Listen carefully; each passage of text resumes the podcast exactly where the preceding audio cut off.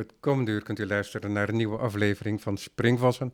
Mijn naam is Robert van Altena en vandaag ben ik op bezoek bij fotograaf Thomas Manneke in zijn studio in het centrum van Amsterdam. Dankjewel Thomas dat je weer met me in gesprek wilt gaan. Nee, dankjewel, graag. We hebben elkaar een paar keer gesproken en überhaupt al door de jaren heen vaak, omdat we in dezelfde kringen rondhingen. Mhm.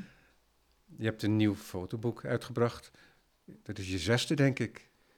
Dat zou goed kunnen, Ja. ja. Vilnius, Odessa, Luik, Amsterdam, Mutatio Zillion, nummer 6, inderdaad. Ja, ja. Precies, drie stedenboeken. En Mutatio, die heb ik eh, een beetje gemist, moet ik eerlijk zeggen.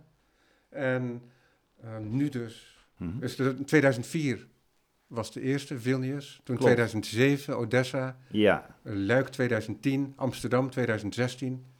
En Mutatio, wanneer was dat? Eh, dat was 18, 20, denk ik. Ja, 20. 20. Ja. Ah, ja, dat, dat is ook meteen het eindpunt van Mutatio. Het presenta- Ja. presenteren van Mutatio was ook het begin van dit boek... dat de titel Zillion heeft meegekregen. Ja, het, eh, het klopt. Het boek is. eh ik ben begonnen midden in de coronatijd, eigenlijk, 2020.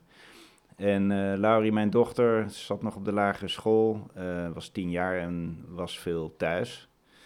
En ehm, dus zij eh, speelt ook best een belangrijke rol in dit boek daardoor.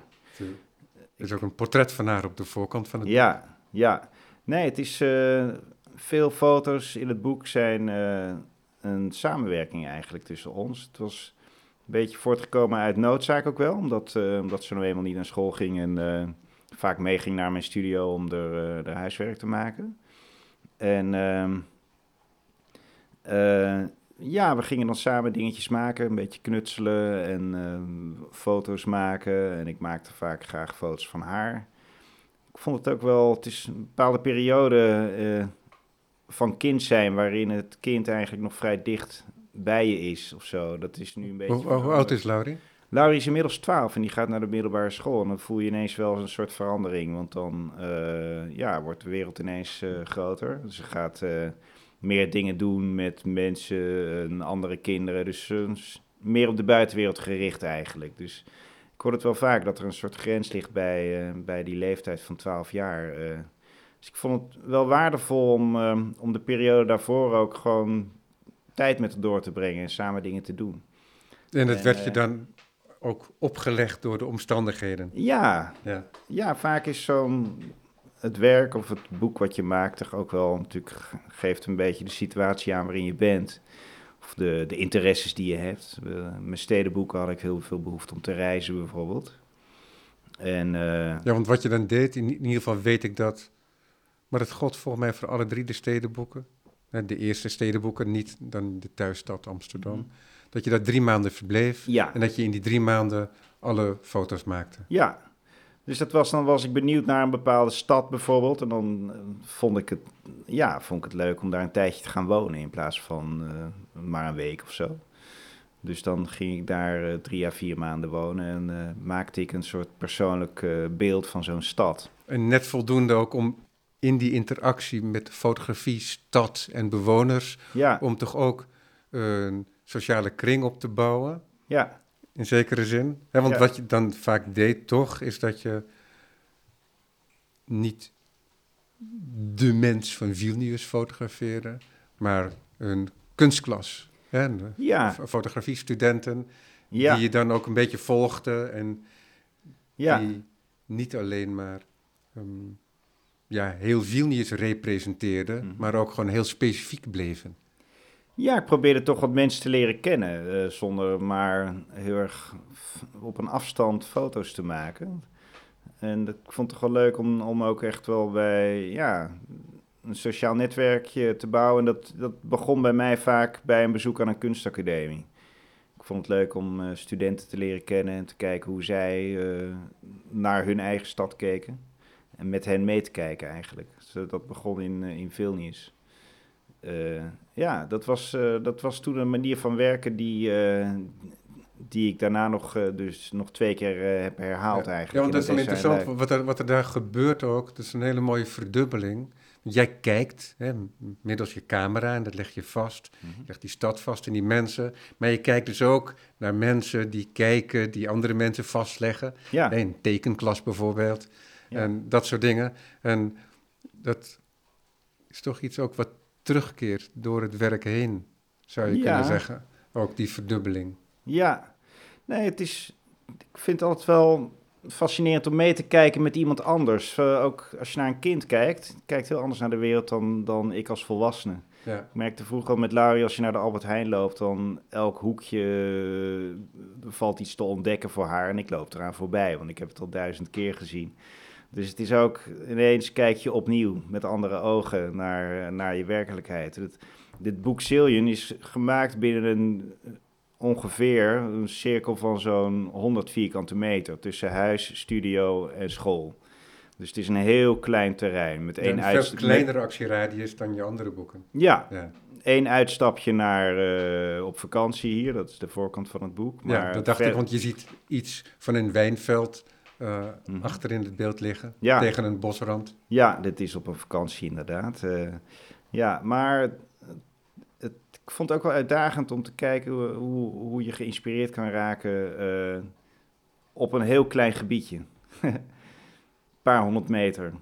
Dit hele boek is eigenlijk ontstaan in een paar honderd meter rondom, eh, ja, want je, rondom je, woonhuis ligt aan, laten we zeggen, aan de oostkant van de Nieuwmarkt. Mhm. En je studio juist aan de westkant van de Nieuwmarkt. Ja, en Ja. Laurie's school was eh, ergens in het midden. Ja. Ik maakte ook vaak een wan- wandelingetje over het Waterloopplein, wat eh, ook in de buurt is. En dat vond ik ook vaak inspirerend om te rommelen tussen al die oude spullen en daar eh, ook dingen van te gebruiken. Mhm. Is toch interessant, hè? Omdat je dat hele sociale aspect van de wereld, dat verandert ook in de boeken natuurlijk, omdat je verhouding met de stad anders is. Bijvoorbeeld in Luik is dat heel anders. Mhm. Daar heb je niet zo'n subcultuur van kunstenaars en zo. Eh, dus dan ben je echt de bezoekende fotograaf, echt veel meer. Ja, ja. En dan zie je, breng je ik zeg maar, caféfoto's, Mhm. waarin ik duidelijk zie dat mensen op jou reageren. Mhm. Um, maar ja, dat zijn mensen die niet, laten we zeggen, hetzelfde leven nastreven als jij, eh, als kunstenaar Mhm. in de wereld zijn. Dus daar is toch een soort transparante barrière is daar dan. En, ja, nou, en- het, het culturele leven wat je in Amsterdam kent, zo dat je naar tentoonstellingen gaat, eh openingetjes van, van bevriende kunstenaars bezoekt. Dat hele sociale gebeuren eigenlijk, dat eh, is helemaal niet zo vanzelfsprekend. In Vilnius had je dat wel. Daar was eigenlijk een, vanuit de kunstacademie en het, eh, het CAC, het... was een hele actieve eh, kunstenaarsgroep eigenlijk, die, die veel dingen maakte en tentoonstelde. En eh, in Odessa kwam ik dat nauwelijks tegen. Dat was wel een kunstacademie, maar er waren helemaal geen galeries die openingetjes hadden. En, of, of het was veel meer eh, underground, veel moeilijker te vinden. En ja, dus dan moet je toch op een andere manier weer gaan zoeken naar, naar ja, sociale contacten. ja, Eh, maar ligt het dan aan jouw ingang tot de stad of ligt het dan echt aan de stad? beide, denk ik. Ja, Ja, ja. want je kunt ook wel eens geluk hebben. Ja, ja, ja. Ja, ik merkte in Odessa moest ik daar echt naar zoeken. Het, eh, wat, wat, waar, waar zijn de kunstenaars? Waar, maar die, die waren veel meer ondergronds. Ja.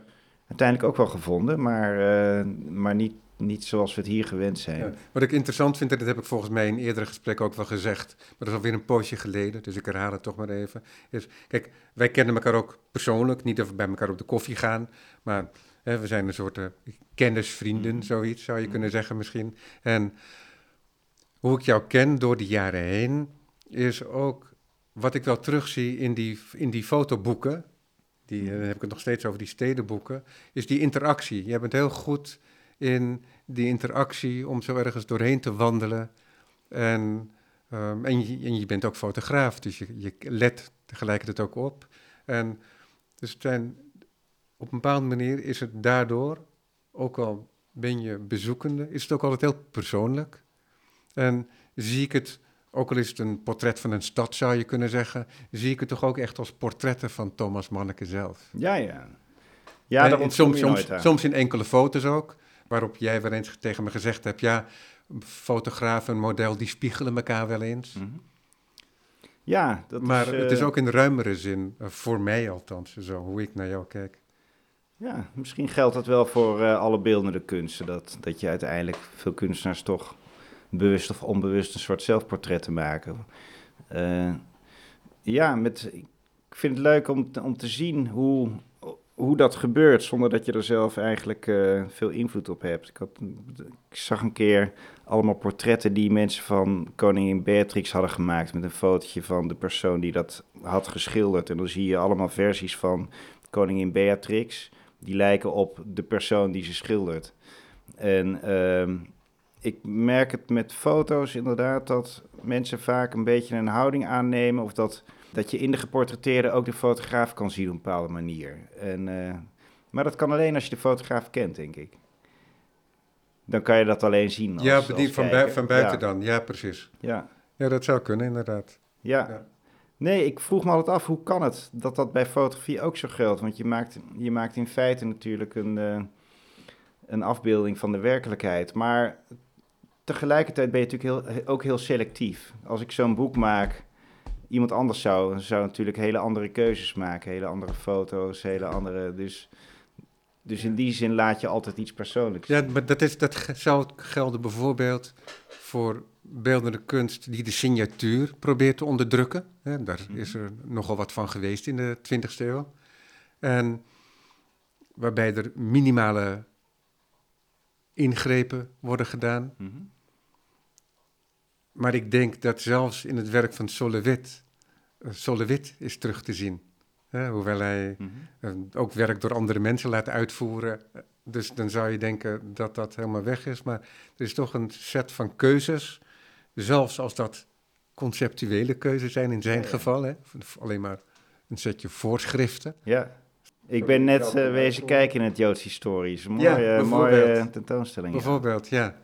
En ja, dus dat is dan toch, komt dat dan altijd terug. En dan helemaal is dat natuurlijk zo in de omgeving van het werk van een kunstenaar. Als je dat hebt, dan wordt het nog gemakkelijker. Hoe bedoel je? Nou, eh, het is een heel veel gebruikt voorbeeld door mij. Is dat je Fred Sandbeck, die eh, beeldhouwer, Oh ja? is een beeldhouwer met lijntjes. Mhm. Dus die maakt eh, draadlijntjes, spannen die in de ruimte, Mhm. waardoor er een soort architectuur ontstaat. Een Ja, ja. sculptuur alleen maar op basis van lijntjes. Mhm. En hij heeft ook van die tekeningen gemaakt een rode streep. Mhm. En, maar dan is de architectuur weggelaten. Maar in de omgeving van zijn werk is die rode streep een sculptuur. En Ja, niet alleen maar een rode streep op een vel papier. Ja. Dus op die manier, dus je hebt, als je omgeving hebt. Dus als ik die, dat portret van je dochter Laurie op de voorkant van Zillion, Mhm. ja, dat is. Dan, als ik dat zie, denk ik, dat zou zomaar een foto van Thomas Manneke kunnen zijn. Ehm, ik had het er met iemand over gisteren op een wandeling. En die, ehm, eh, ik zei dat ik eh, met jou dit gesprek zou hebben. En toen zei ze, ja, ik, ehm, ik heb ook, ik zag zo- zo'n foto en ik dacht dat dat in zijn vorige boek zat. En ik zeg van, nee, dat is niet zo. Ehm, en het vorige boek is dan een mutatio. Mhm. Maar het is een typische Thomas-foto. Oh ja? En ik weet niet over welk. Het ging ook over een portret. Ik ging niet over, weet niet over welk portret dat ging dan. Ja. Maar het was toch echt. eh, dus ja, we zijn er niet uitgekomen wat het dan precies uitmaakte. ja. Wat het is, want dan is het dan toch fijner om het beeld erbij te hebben, om heel specifiek te zijn. Maar het is, het is grappig, want ik, ik. Ik neem me vaak voor om iets totaal anders te gaan maken. En uiteindelijk wordt het toch iets... maar je maakt ik, ook voortdurend wat anders. Ja, ik, ik hou ervan om altijd een, bijvoorbeeld een nieuwe camera of een andere camera te gaan werken. Mijn, dit boek is voornamelijk op 8 bij 10 inch camera eh, gemaakt. Dat is een heel log, zwaar apparaat waarmee je helemaal niet makkelijk beweegt. Grote platen. Ja, dus dat, eh, dat, daardoor maak je automatisch andere dingen. Ja, Omdat en je, kunt ook niet eventjes tien foto's achter elkaar schieten in het moment. Dus je hebt ineens een ander soort beperking en een andere lens en een ander eh, formaat en een ander tempo, waardoor, waardoor het werk vanzelf ook verandert. Ehm, het is wel grappig dat het dan uiteindelijk toch nog herkenbaar is. Je hebt wel bepaalde compositie-habits, valt me altijd op. Van als je, nou, je, je gaat als, als fotograaf altijd gelijk een beetje een soort van kaderen. Van eh, wat laat je weg, wat zit je erop, waar ga je staan. En dat zijn soms ook wel een soort automatisme waar je niet echt heel erg bewust van bent. Ik probeer dat ook af en toe een beetje te doorbreken. Door ehm, te kijken of ik het heel anders kan doen. Maar eh, ja, ik weet niet waar, het- waar het hem precies in zit. Ik denk wel dat ik vrij precies ben in, in kadrering. Dat is misschien iets wat vrij typisch is en wat je tegenwoordig wat minder ziet bij fotografen. Ehm, ik ben altijd vrij precies in eh, afmetingen en de compositie om Ja. die evenwichtig te maken. Komt dat omdat jij begonnen bent met analoog? Want heb je überhaupt wel eens dig- digitaal gefotografeerd? Doe je dat wel? Nou, ik ben begonnen analoog natuurlijk. Eh, ik begon in 1986 op mijn zestiende. En toen was er nog helemaal geen digitaal. Dus dat is wel iets waar je natuurlijk aan went. Ehm, op een bepaald moment kwam, kwamen digitale camera's. In het begin waren die helemaal niet goed genoeg. eh, dus daar werkte je als fotograaf niet echt mee. Dat was meer iets voor eh, de consument gewoon. Maar nu zijn we natuurlijk op een punt dat, eh, dat digitale, digitale camera's gewoon heel erg goed zijn. Misschien zelfs wel beter, of scherper, of lichtgevoeliger dan... Anders dan in ieder geval, maar kwalitatief goed genoeg Ja, inderdaad. dus ik heb, ik heb ook wel een periode gehad dat ik dacht van... goh, ik moet het laten vallen, hè, dat analoge. Dat is toch een beetje... Je hoort als kunstenaar toch te werken met de materialen van de tijd. En je, je moet niet in een soort van nostalgisch, eh, romantisch ding blijven hangen. Ehm, dus ik heb dat wel een tijdje aan de kant gezet en meer digitaal gedaan. Ook eh, het Odessa-boek is voor een gedeelte eh, met digitale camera's gedaan. Maar ik ben er toch weer een beetje van teruggekomen. Eh, op een of andere manier ligt, ligt het me niet zo goed. En inmiddels zie ik het zo dat het heel goed naast elkaar kan bestaan. Net zoals dat je piano kan spelen of keyboard. Het is niet zo dat sinds er een keyboard is, de piano niet meer nodig is of zo. Want het is anders. Het, is, het, is een, het kan heel goed naast elkaar bestaan. En ehm, ik heb dat nu, ja, nu voor mezelf toch wel. Heb ik er vrede mee dat ik weer eigenlijk alles analoog doe. Eh, Ja. Zonder dat dat een soort valse romantiek is, maar omdat het gewoon materiaal is wat me beter bevalt.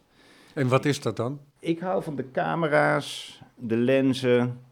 Eh, ik hou ook van het materiaal van het papier, het ontwikkelen, de vertraging die erin zit.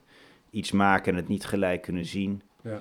Ik vind, Ja, dat is ook vertrouwen op dus jouw eh, kennis van datgene wat je vastlegt en hoe je het vastlegt. ja, het maakt me veel geconcentreerder. Ja, Dus als ik, ik heb de neiging, ik- misschien kan je dat leren hoor, maar als ik digitaal fotografeer, dan heb ik altijd de neiging om gewoon heel veel te maken. Met het idee van dan zit er wel wat bij. Maar ik let gewoon niet zo goed op.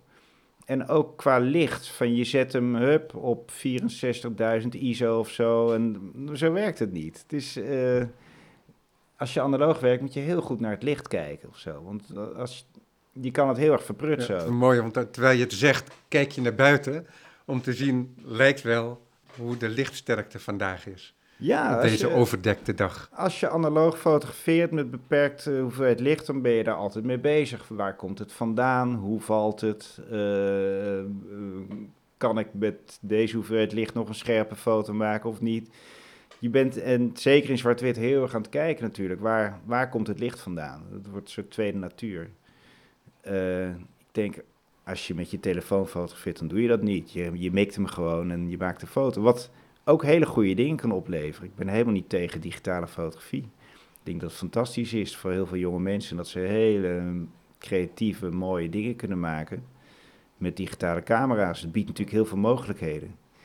Ik denk nog steeds dat er voor mij ook veel te ontdekken zou zijn, maar ik, eh, ja, tot nog toe eh, ben ik er niet helemaal in thuis. Ja, maar het is misschien ook een kwestie van temperament misschien.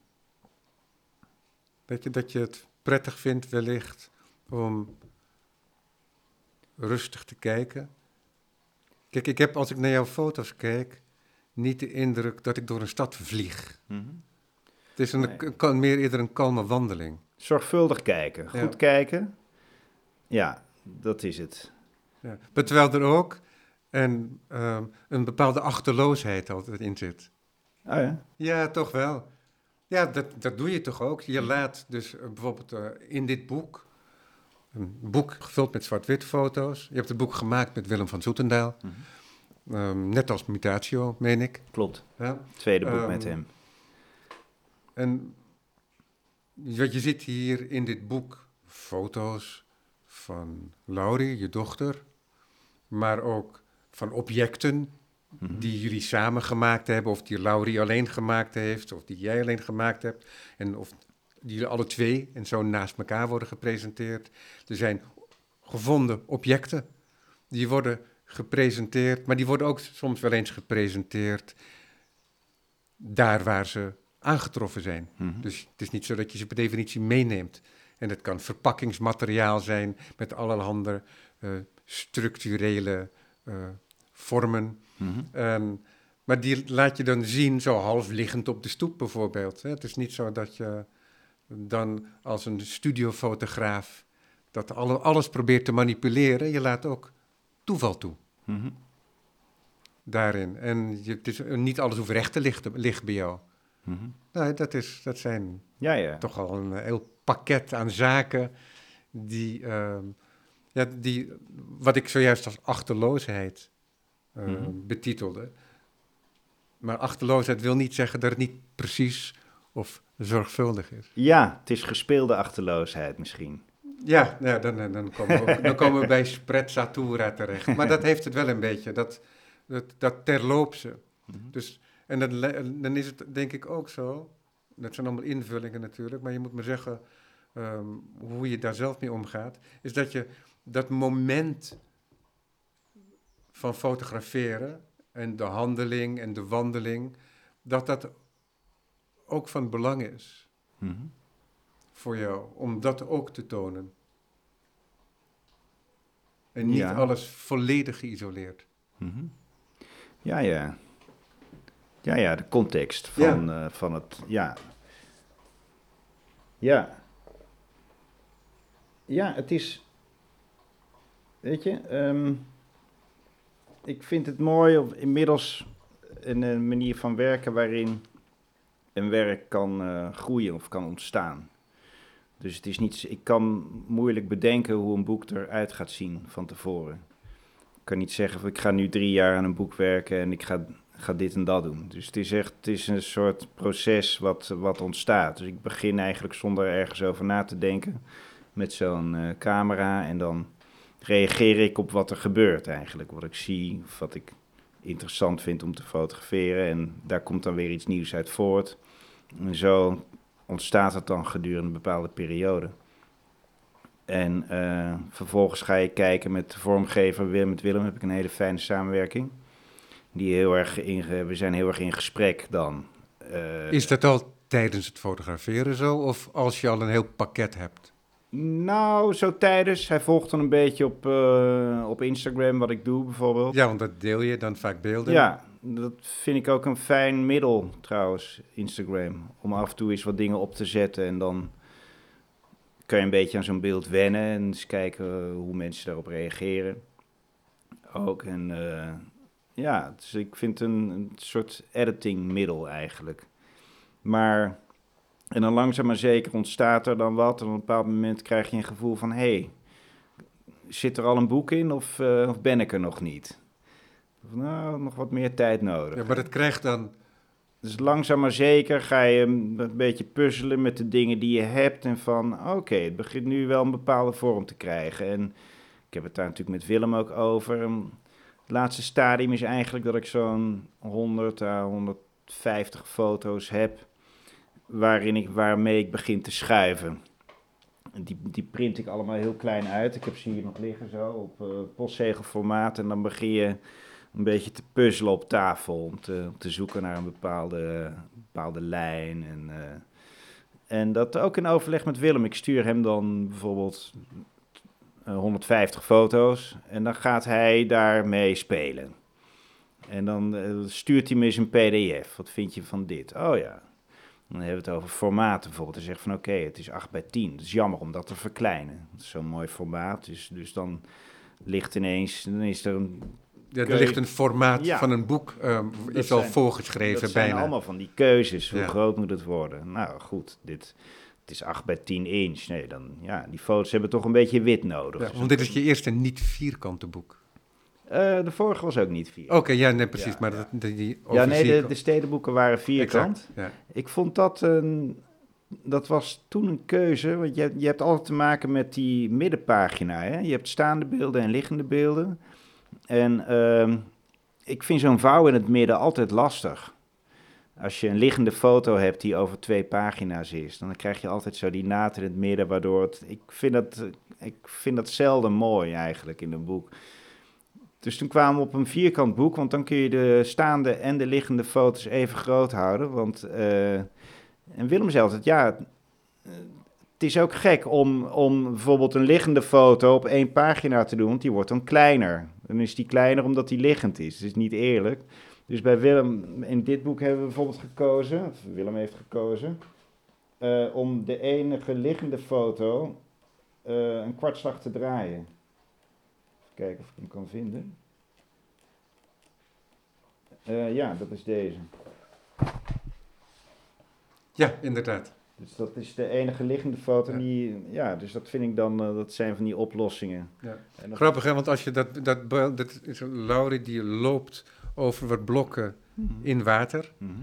En, maar als je van een afstandje, afstandje ziet, dan lijkt het op een beeld van, ehm, hoe heet het ook alweer? Zo'n futurist van Boccioni. Oh ja, Dus met van die, van, dat is een, meer een mansfiguur dan. Ik weet wat je bedoelt, ja. die- omdat er een soort beweging wordt ja gesuggereerd, een lopende man of is, zo. die, is zijn die onderbenen wat wijder uitgezet. Ja, en dat, grappig. dat lijkt er op een of andere manier op. Misschien, wat, komt het door? Door eh, de reflectie in het water of zo? Ik weet niet precies waar het is.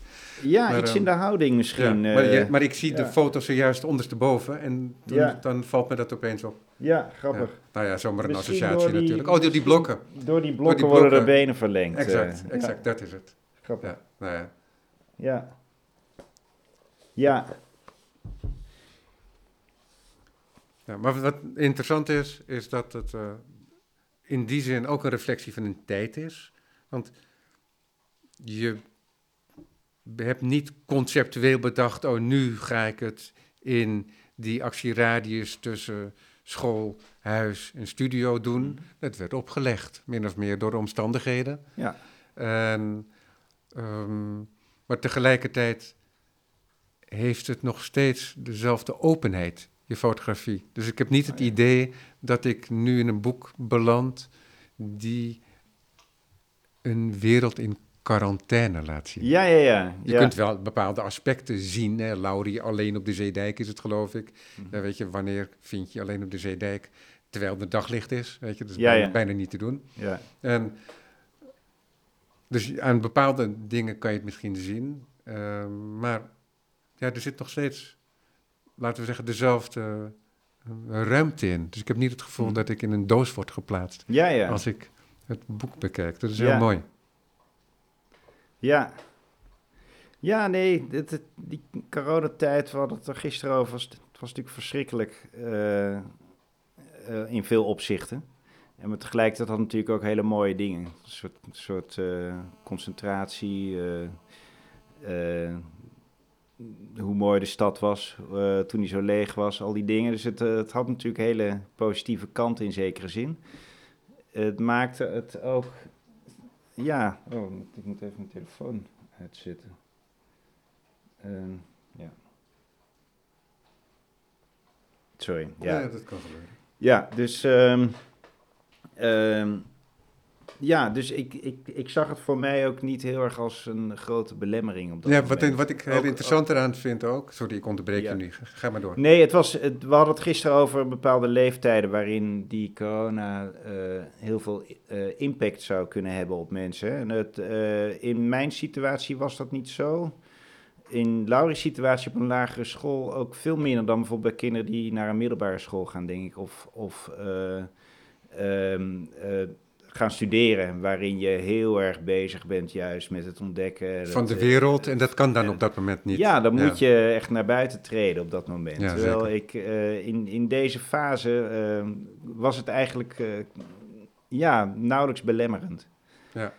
Voor mij niet en ook voor mijn dochter niet. Ja, ja wat, ik, wat ook interessant is natuurlijk, wat ik zojuist wilde zeggen, is dat die geconcentreerde blik die je hebt, hè, die Hm. dwalende blik, die ook een zekere nonchalance heeft en die concentratie, hè, zoals ik dat eerder zei, die gaat gewoon door natuurlijk.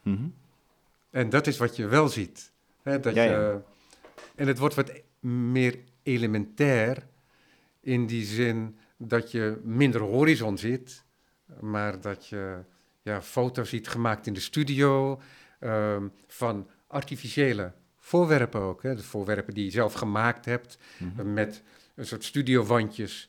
Eh, dat is dan gewoon een kartonnen doos die opengevouwen is bijvoorbeeld. Mhm.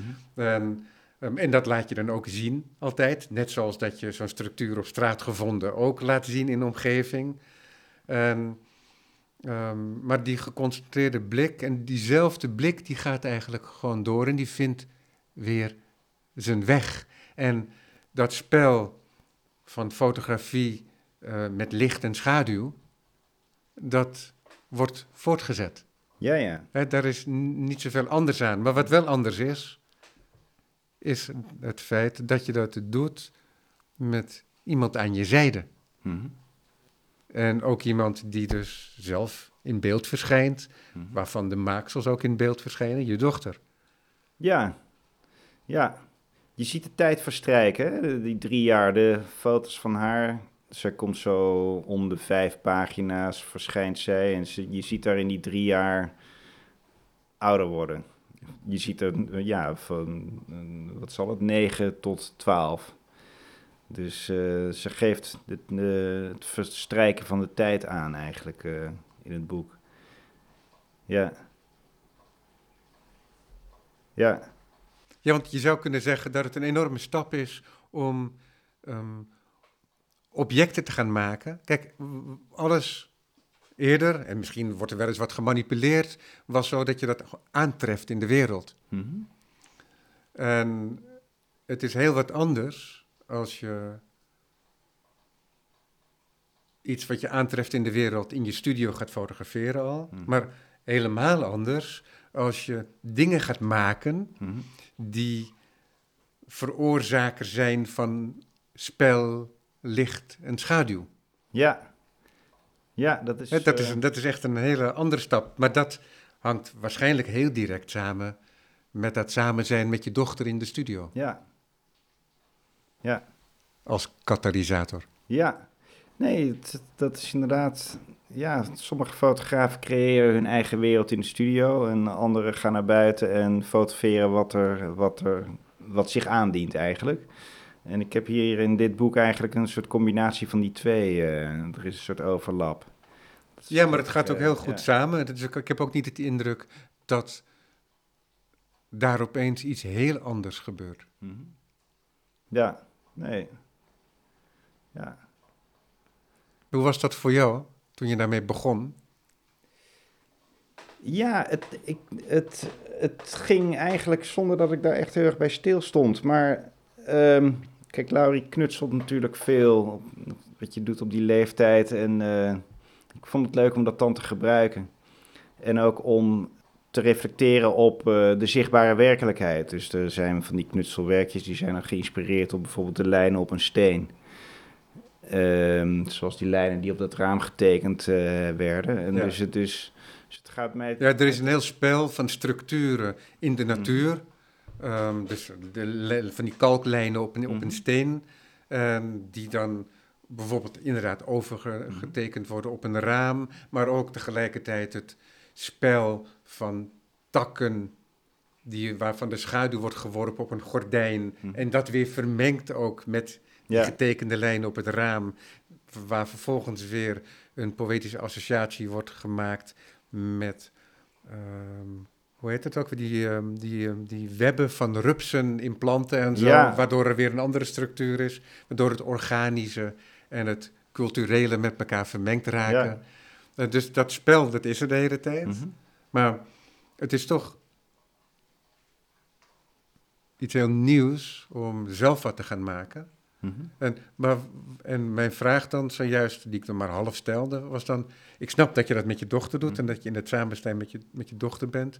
Maar om dat deel te laten worden van je werk, dat is weer wat anders. Het komt ook een beetje door de camera. Ehm, de 8 bij 10 ehm, is vrij, eh, hij is heel zwaar. En eh, je kan ermee rondlopen eh, buiten. Maar als je dat in een stad doet als Amsterdam, dan word je de hele tijd aangesproken.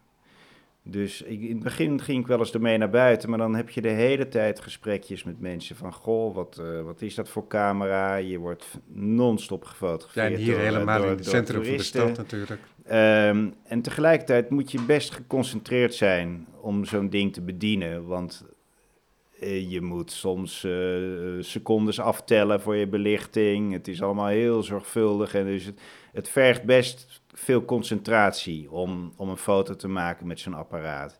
Als je dat in een drukke stad doet, dan is dat heel moeilijk.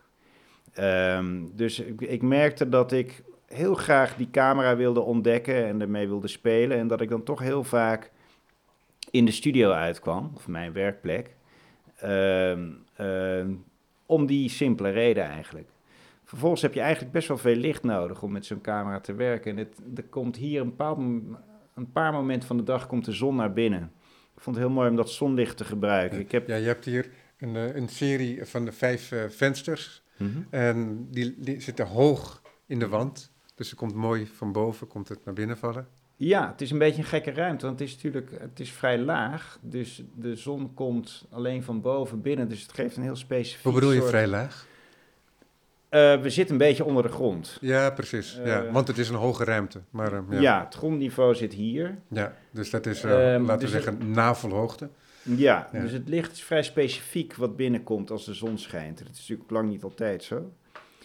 Ik vond het mooi om dat te gebruiken. Ik heb op een of andere manier soms regels voor mezelf die ik nou soms niet zo goed begrijp, maar ik wil liever niet flitsen. Of kunstlicht gebruiken. Ik, ik hou ervan om met eh, natuurlijk licht en met name zonlicht eh, te fotograferen. En, Waardoor je binnen- en buitenfoto's ook veel gemakkelijker samengaan, denk ik. Ja, dat zou goed kunnen, ja. Ja. ja.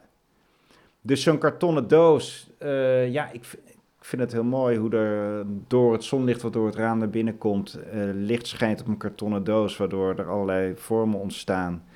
Om dat te fotograferen met zo'n 8 bij 10 inch camera, terwijl de zon natuurlijk de hele tijd beweegt. Dus het is ook altijd vrij spannend om, om dat dan op tijd eh, te krijgen Ja. dat vond ik een, een uitdaging. En ik vind het ook een uitdaging om een wereld te creëren die zich eigenlijk afspeelt in een, in een heel klein gebied. Eh, wat je net zei, dat je hebt niet het gevoel dat je in quarantaine bent. Dat was ik natuurlijk ook niet echt, maar ik vind het spannend om, om eigenlijk zelf een, in, in het boek een wereld te creëren. Ja. eh, die zich voor een groot gedeelte inderdaad in de studio heeft afgespeeld met spulletjes van, van buitenaf. Kijk, op het Waterloopplein komt natuurlijk ook de hele wereld eh, samen. Alle, alle spullen die je daar vindt. En, eh, ja, is dat nog steeds zo? Ik ben er al jaren niet geweest. Ja, het is, ik maak er graag een ommetje als ik even eh, pauze heb. Dan maak ik graag een ommetje over het Waterloopplein. En er is zo'n foto waarin eh, mijn dochter een oor vasthoudt. Dat komt dan daar vandaan bijvoorbeeld. Ja, een, eh, een oor dat groter is dan haar beide handen. Ja, In steen gebeeldhouwd. dit oor. Ja. Nee, het is, het is een rubberoor. Het lijkt net Oh, rubber. Oké, Ja. ja. ja. Het zag eruit als zwart steen. Deze, deze steen, dat is ook wel grappig. Onze, mijn buurman die... Ja, dat is zo'n, eh, hoe noem je dat? Zo'n een soort boorwortel. Ja, hij zaagde een, een, een gat in, de, in een bakstenen muur om daar eh, eh, ja, een afvoer te maken. En dan krijg je zo'n kolom van baksteen met tegelijkertijd ook cement, maar die dan vorm is gegeven door de ronde boor. Het is een soort restvorm eigenlijk. ja, dus maar- het is een zuiltje die jij dan in de hoek van een kartonnen doos hebt gezet. ja. Het zonlicht maakt het een soort, bijna een soort theaterachtige spot, vind ik. Waardoor, waardoor die heel erg in het middelpunt komt te staan van, van de aandacht. Ja, want er is ook een spel van schaal in je boek, Mhm. daardoor. Van de straatfoto's. Want je, je kunt ook met geen mogelijkheid zeggen hoe groot... Ja, je kunt het zeggen eh, omdat je wel wat ribben ziet van het karton... waardoor je het zou kunnen afleiden. Maar als je het in eerste instantie ziet, weet je niet hoe groot het object is. Ja. Ja. En wat natuurlijk ook interessant is, is dat contrast van, laten we zeggen, soms verwaarloosbare objecten, Mhm. afval op straat, die je fotografeert. Maar die fotografeer je dus met die technische camera. Mhm. En dat contrast tussen het werken met die technische camera, die wat traag is, en tegelijkertijd die vlietende werkelijkheid die je fotografeert daar, Mhm. van iets wat weggedonderd is, dat contrast is natuurlijk ook heel mooi. De zorgvuldigheid en tegelijkertijd ja, het achtergelatene. Ja.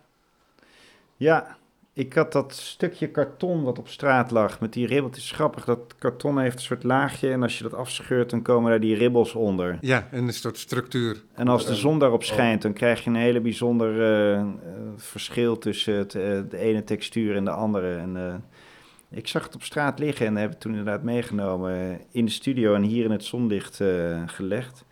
Ja, ik vind het mooi om, om van niets iets te maken eigenlijk. Iets wat, wat ja, Ja, maar dat doe je al, als fotograaf altijd op een bepaalde manier natuurlijk. Ja, die wereld is er, maar jij maakt er altijd selectie uit. ja, En je zou kunnen zeggen dat dat veel duidelijker afleesbaar is in dit boek. Omdat je het ook in je studio maakt. oh ja. Anders is het, ja, de wereld. Hè, je hebt foto's gemaakt van Amsterdam in het Amsterdamboek. Het is niet het eh, VVV Amsterdamboek. Hè, het is eh, een Amsterdamboek van Thomas Manneke. Mhm. Dus we zien ook de achterkant van zaken en allerlei andere, een heel andere blik op die stad. Eh, dus dat is, daar wordt, is dat natuurlijk ook al duidelijk, dat, je, dat de fotograaf ook de selectie is. Hè, want wat je Ik net zei dat- eerder, van ja, je drukt op een knop en je maakt de selectie en het is de werkelijkheid. Mhm. Dus hoe kun je nog aflezen wie het gemaakt heeft? Mhm. Maar Vaak Ja, de keuzes die je maakt. Hè? Ja. Ik vond het grappig om te zien toen ik eh, aan mijn Amsterdamboek werkte. Dan heb je steeds het idee, ik moet iets zeggen over die stad of zo. Het moet, het moet over de stad gaan of het moet over mijn blik op de stad gaan. Dus dat is dan de bril waardoor je kijkt. En toen maakte ik daarna het eh Mutatio-boek.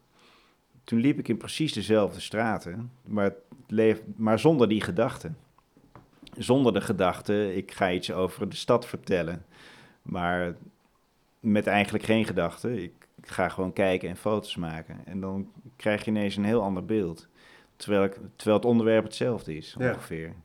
Dat vond ik grappig om te merken. En nu, Was dat ook überhaupt vrijer, omdat het geen stadsboek meer hoefde te zijn? ja, ik vond het wel een eh, bevrijding in die zin, ja. Ik had natuurlijk die serie stadsboeken gemaakt, waarin je toch steeds wel het idee hebt van, ik, ik moet iets... De boek heeft de titel van de stad.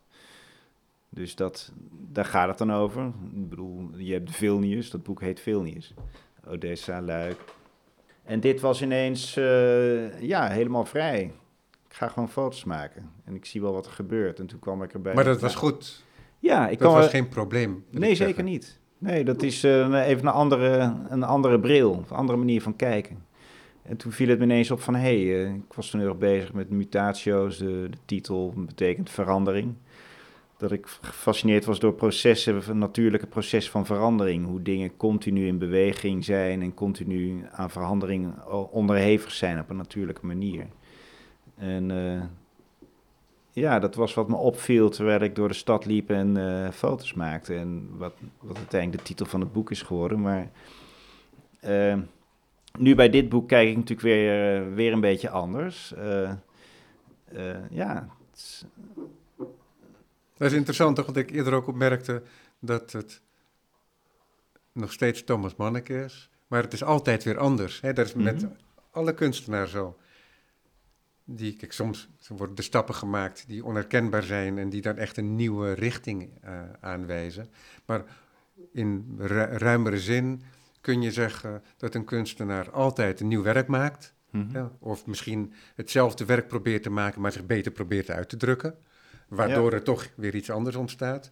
Maar er is toch heel vaak ook iets herkenbaars. Hm. En maar dat herkenbare, dat is een constatering achteraf. Je bent, jij bent niet bezig een Thomas Manneke foto te maken. Mhm. Alsof er een rulebook is. Nee, je, je hoeft daar helemaal niet bij stil te staan, denk Nee, ik. maar dat is, daarom zeg ik dat dus... gaat vanzelf, doordat dus je met het materiaal bezig identificering bent. van Ja. een Thomas Manneke foto, Mhm. als zoiets al kan, dat is een constatering achteraf. Dus ik Ja, zie dit boek en ehm, ik was gisteren bij om het boek op te halen, zodat ik het kon bekijken voorafgaand aan het interview. En dan bekijk ik dat en ik heb dat bekeken in de relatie met de andere boeken die ik Mhm. van je heb. Dus ja, dan, dus dan zie ik natuurlijk dat het van jou is. Mhm. Dus los van het feit dat jouw naam op het boek staat. Ja. Maar het is toch tegelijkertijd ook anders, want ik zie dat je heel andere dingen doet. Mhm. Maar dat is iets wat je niet plant. Ja. Het is niet zo dat jij een concept hebt bedacht voor dit boek Mhm. en dat je dat bent gaan uitvoeren. Ja. Dus die vrijheid die je nu sinds twee boeken al hebt op die manier, dat is iets wat je ook gewonnen hebt waarschijnlijk in de loop der jaren in het maken van je werk. Voel dat ook zo? Eh, weet ik niet. Ehm, begrijp ik niet helemaal hoe je dat bedoelt. Nou, kijk, zo'n stadsboek, eh, kijk, het idee van een stadsboek, dat is een bepaald concept. Mhm. Maar ja, dat, daar kan je zoveel kanten mee uit. En dus dat heb je voor jezelf uitgevonden, hoe dat eruit ziet. En dat zie je ook veranderen in de loop van de boeken. Mhm. Want Vilnius is een heel ander boek dan Amsterdam. Dan zou je kunnen zeggen, nou, Amsterdam is je thuisstad... waar je dan al 20, 25 jaar woont. Mhm. 25 jaar, op het moment dat je dat boek Ja. maakt. Dus misschien is dat niet eerlijk, maar ook Luik is een ander boek. Dus je ziet dat zich dat verplaatst. En Luik, als je meteen in Luik was begonnen... had je misschien een heel ander boek gemaakt dan je nu hebt gemaakt... na Vilnius en Odessa. Ja. Dus, dus je verandert de hele tijd en je leert van jezelf. Mhm. Dus in die zin constateer ik zojuist, ja, misschien is dat boek Mutatio, waarvan je zelf zegt, ja, ik hoefde geen stadsboek meer te maken. Dus ik kon gewoon die stad intrekken en foto's gaan maken. Mhm. Dus dat noemde ik een vrijheid die Ja, je ja. gebruikt in je werk. En je zou kunnen zeggen dat je dat hier hebt toegepast, maar dat er een soort conceptuele koepel overheen zit, Mhm. opgelegd door de omstandigheden. Namelijk dat dat in dat Nieuwmarktkwartier Mhm. plaats eh, Ja. eh, vindt. Hè? Dat is het decor, als het ware, waar je woonhuis, de school Ja. van je dochter en je studio zich bevinden. Ja. Maar verder kan alles. Het bewijst een beetje dat je overal werk kan maken in feite. Je hoeft niet ver te reizen om iets, eh, om iets moois te maken. Het was meer dat reizen was vooral heel erg een behoefte die ik, die ik in die tijd had. Eh, ehm, Maar heb jij zelf het gevoel, en dan eh, stel ik de vraag nog een keer naar, het, he- naar het hele, die hele uitweiding van mij. mhm. Heb jij zelfs het gevoel dat je in de loop van de jaren meer vrijheid hebt gekregen in het maken van je werk? Ehm, nou, nee.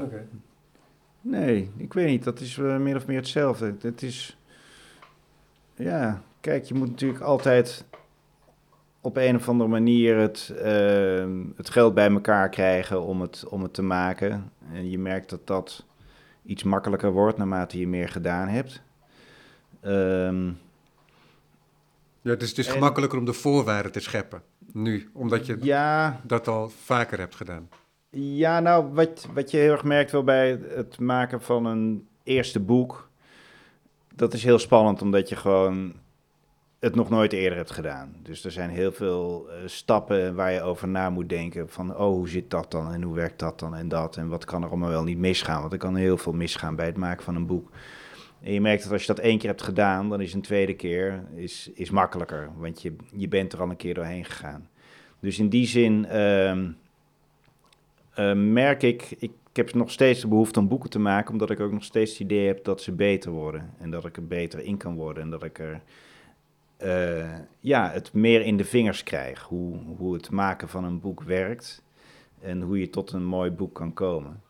Dus het blijft voor mij eh, ja, toch wel het belangrijkste medium binnen de fotografie. Dat boeken maken. En waar ik nu iedere keer toch wel weer naartoe wil werken. Ik zal nu ook weer aan een nieuw boek gaan werken. En ik weet nog niet hoe dat gaat verlopen, waar het over zal gaan. Of, uh, maar ik, ik zal er vanaf nu al aan, aan gaan beginnen. En ik begin dan vaak inderdaad met zo weinig mogelijk. Ik ga zonder over ook, ook maar over iets na te denken foto's maken. Dat is een soort van de eerste stap. Dat is een houding die je altijd hebt gehad? Nou, of niet? die vorige boeken plande ik natuurlijk. Hè. Vilnius was echt wel het idee, ik ga daar naartoe, ik ga daar een boek maken. En Odessa ook. Dus dat... Ja. maar dat is wat ik bedoel met die vrijheid. De, deze boeken die... Thomas. Ja, oké. ja. ja. Ik begin gewoon. Ik begin ergens zonder eh, over iets na te denken. Inmiddels. Ja. Ja, precies. En dan kijk ik langzaam maar zeker uh, een beetje wat er gebeurt. En dan op een bepaald moment uh, ontdek ik in mijn eigen werk een bepaalde lijn. Van, hé, hey, dit, uh, dit gaat daarover, het gaat daarover. En dan probeer ik het langzaam maar zeker een beetje te formuleren. Wat ben ik nou eigenlijk aan het doen? En zo ontstaat zo'n boek dan. Dat is, dat is de, de manier waarop de laatste twee boeken tot stand zijn gekomen. Dus het is niet bedacht, ik ga dit of dat doen. Het is, ze zijn echt een soort van gaandeweg ontstaan. En dat is een manier van werken die me bevalt. Want je kan iets van tevoren vaak niet bedenken. Ik vind het vaak ook wel moeilijk, want je hebt natuurlijk soms moet je plannen schrijven om, uh, om uh, subsidies te krijgen voor een project. Terwijl ik vaak nog helemaal niet weet wat ik wil gaan doen als ik, uh, voordat ik begon. Nee, ik heb er heel vaak aan moeten denken, ook met, met films en doc, met documentaires. Mm -hmm. Weet je, voor een, voor een film, een speelfilm kan ik het nog wel begrijpen. Maar voor een documentaire, ja, dan moet je ook toch iets ontdekken. En als het alleen maar een invulling is van een stelling.